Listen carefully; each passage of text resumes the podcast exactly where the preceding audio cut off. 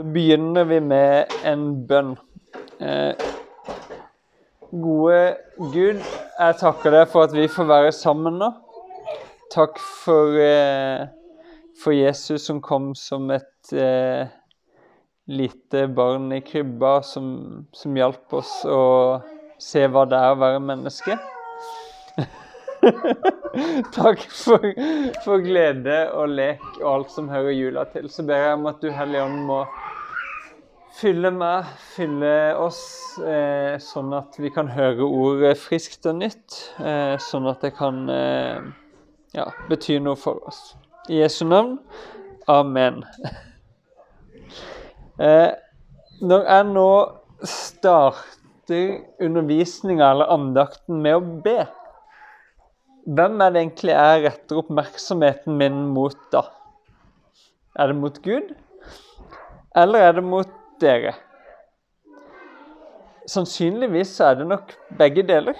Fordi jeg retter selvfølgelig oppmerksomheten min mot Gud. Jeg tror at Gud hører når jeg ber. Jeg tror at Gud allerede før jeg ber, har sin oppmerksomhet retta mot meg og mot oss. Men når jeg ber, så er jeg jo oppmerksom på dere og på det som skjer i rommet.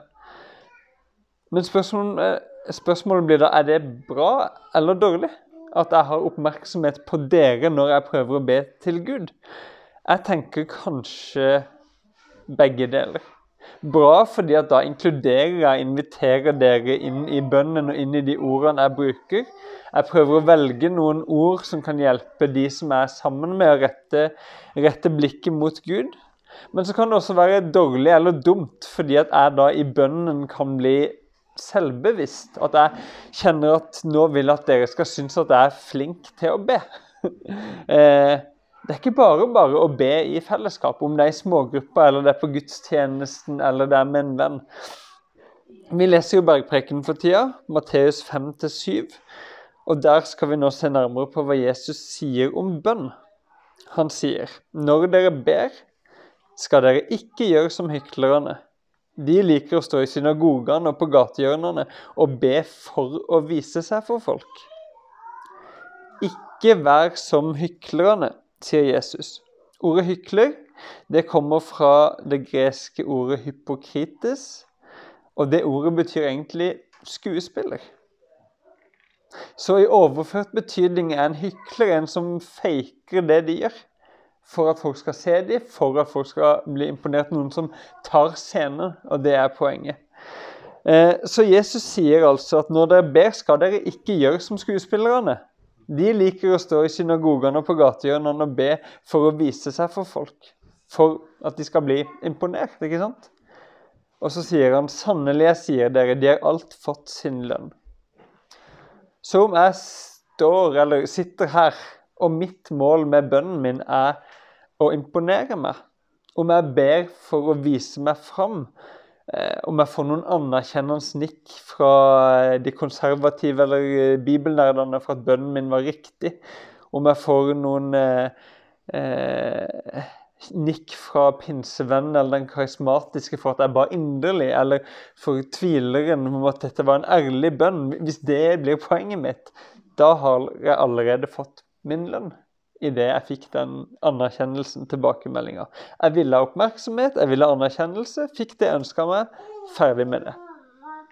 Men det er jo ikke det bønnen skulle handle om. Jesus fortsetter med å si Når du ber, skal du gå inn i rommet ditt og lukke døra og be til din far som er i det skjulte. Og din far som ser i det skjulte, skal lønne deg. Jeg leser det igjen. Når du ber, skal du gå inn i rommet ditt og lukke døra og be til din far som er i det skjulte, og din far som ser i det skjulte, skal lønne deg. Dette handler jo ikke om at vi skal slutte å be i fellesskap, be sammen med hverandre. Det gjorde Jesus ofte. Poenget her er at oppmerksomheten i bønnen vår skal først og fremst være retta mot Gud. Og Da kan det være en god øvelse å be i det skjulte. Be alene på rommet. Be stille inni deg. Bønnen handler først og fremst om relasjonen mellom deg og Gud. Bønnen er et uttrykk for et vennskap der du deler ditt hjerte med Gud, der han ser deg, hører deg og svarer deg etter sin vilje. Bønn er derfor ikke en prestasjon. Verken framfor mennesker eller framfor Gud.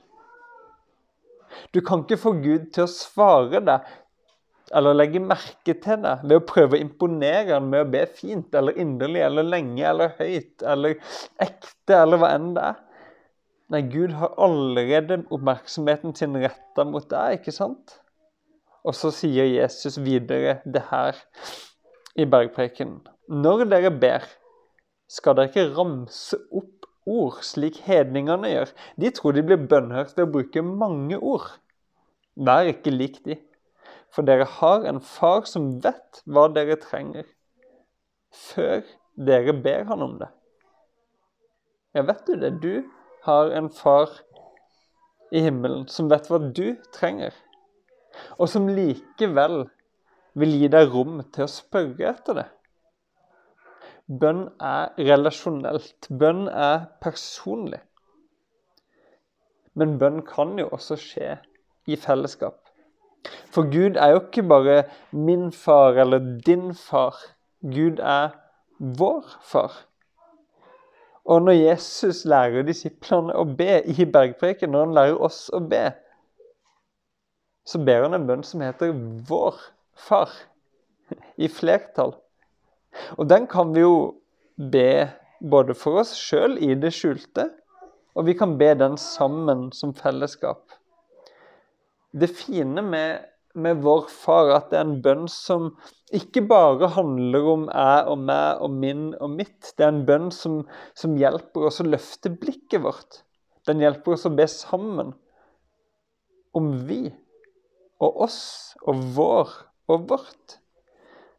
Det er en bønn som både retter oppmerksomheten vår mot Gud og mot vår neste i kjærlighet. Jeg hørte en tale av Tim Mackey, som har Bible Project en gang. Og han snakker om det at de gangene du ber om daglig brød, og selv er mett, så kan du tenke på at nå ber du for et oss.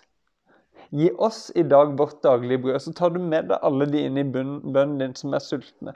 Og Det samme er det med behovet for Kanskje ikke det er noe konkret akkurat nå du trenger å be om tilgivelse for, men så, så er det noen andre du kjenner som står i noe, eller kanskje du har en periode der du ikke har så mange fristelser, men så vet du at vennen din kjemper med noe. Du ber vår far. Vi ber vår far. Og vi ber ikke bare for oss sjøl, men for, for, hverandre og for alle andre som vi velger å innlemme i den bønnen.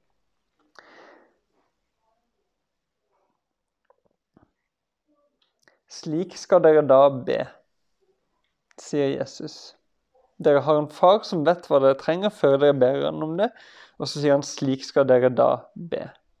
Jeg tenker Vår far er en bønn som vi kan be så ofte vi kan. Og jeg tror Når vi ber den igjen og igjen, så kan den få prege og forme våre andre bønner. Eh, skal vi be den sammen, som en del av bibellesninga nå? Så godt som vi kan huske den. Slik skal dere da be, sier Jesus, og vi ber. Vår Far i himmelen. La navnet ditt helliges. La riket ditt komme. La viljen din skje på jorden slik som i himmelen. Gi oss i dag vårt daglige brød, og tilgi oss vår skyld, slik også vi tilgir våre skyldnere. Og la oss ikke komme i fristelse, men frels oss fra det onde. For riket er ditt, og makten og æren i evighet. Amen.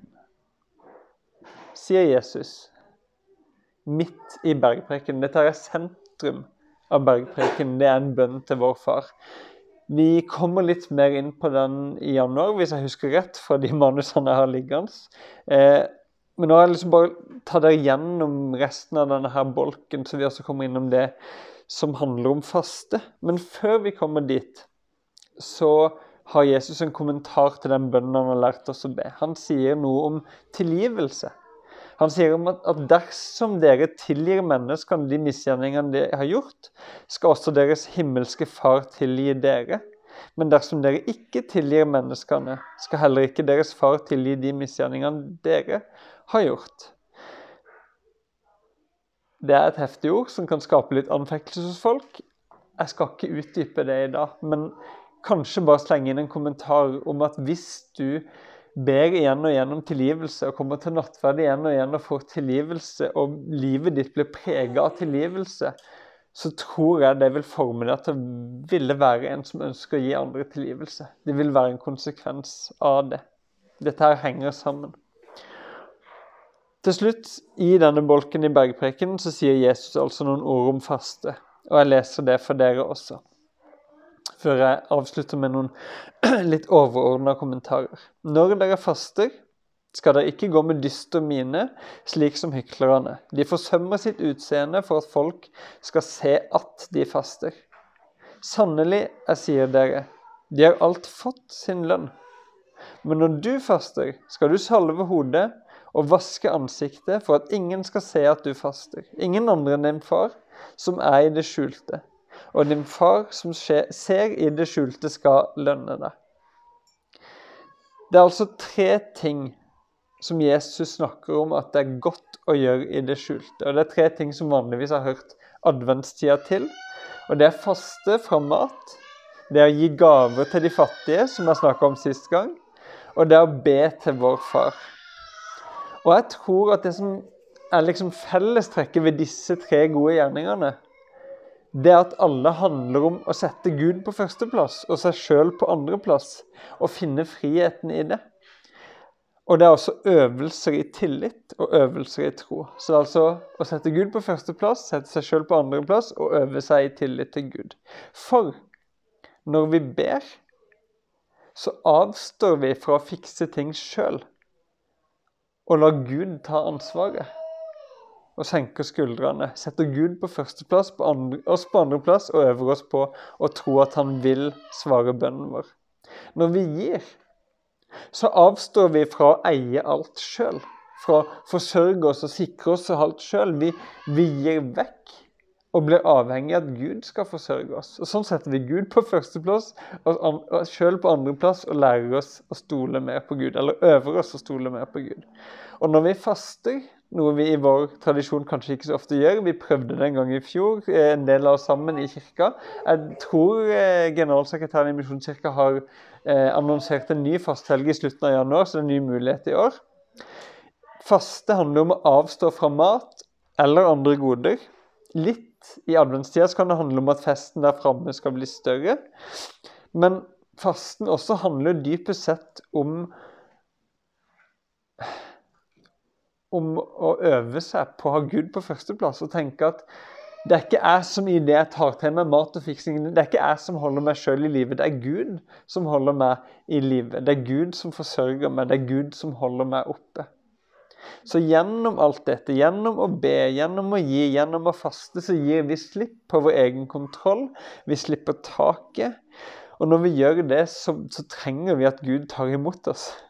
Og Derfor er dette en øvelse på tillit og tro. Det er liksom som den der eh, standardøvelsen dere tenker når en eh, står opp og noen står bak og skal ta imot. Altså Bønnen å gi sånn skikkelig av det du eier til andre og faste, det er å slippe seg bakover. Og vi trenger at Gud tar oss imot. Teksten videre herfra kommer til å handle mye om forholdet vårt til bekymringer, til eiendeler, til, ja, til alt det her. Og, og i slutten av det så sier Jesus noe som er relevant til det vi har hørt i dag også. Han sier søk først Guds rike og hans rettferdighet, så skal dere få alt det andre i tillegg. Spørsmålet til oss og til meg er tør vi å tro på det.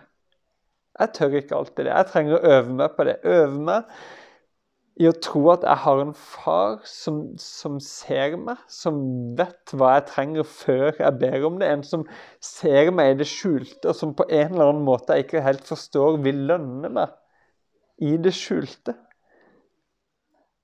Og å få en sånn tillitsrelasjon, det kan jeg øve meg på, bl.a. ved å be og gi og faste, aller helst i det skjulte. Da får jeg øve meg på å være svak og sulten og fattig og avhengig av Gud, av min gode far i himmelen. Og når jeg gjør det, så får jeg også erfare nåde. Vi skal feire nattverd sammen, vi skal også be sammen. Jeg foreslår at når vi kommer til vår far, så har vi litt tid for stille bønn også. Så får vi øvd oss i dag på å be i det skjulte. Men nå skal vi synge sammen. En krybbe var vuggen. Eh, vi får ta imot nåden av, av Gud som kommer nær, og går til krybben og til slutt til korset for oss, sånn at vi får ta imot nåde. Amen.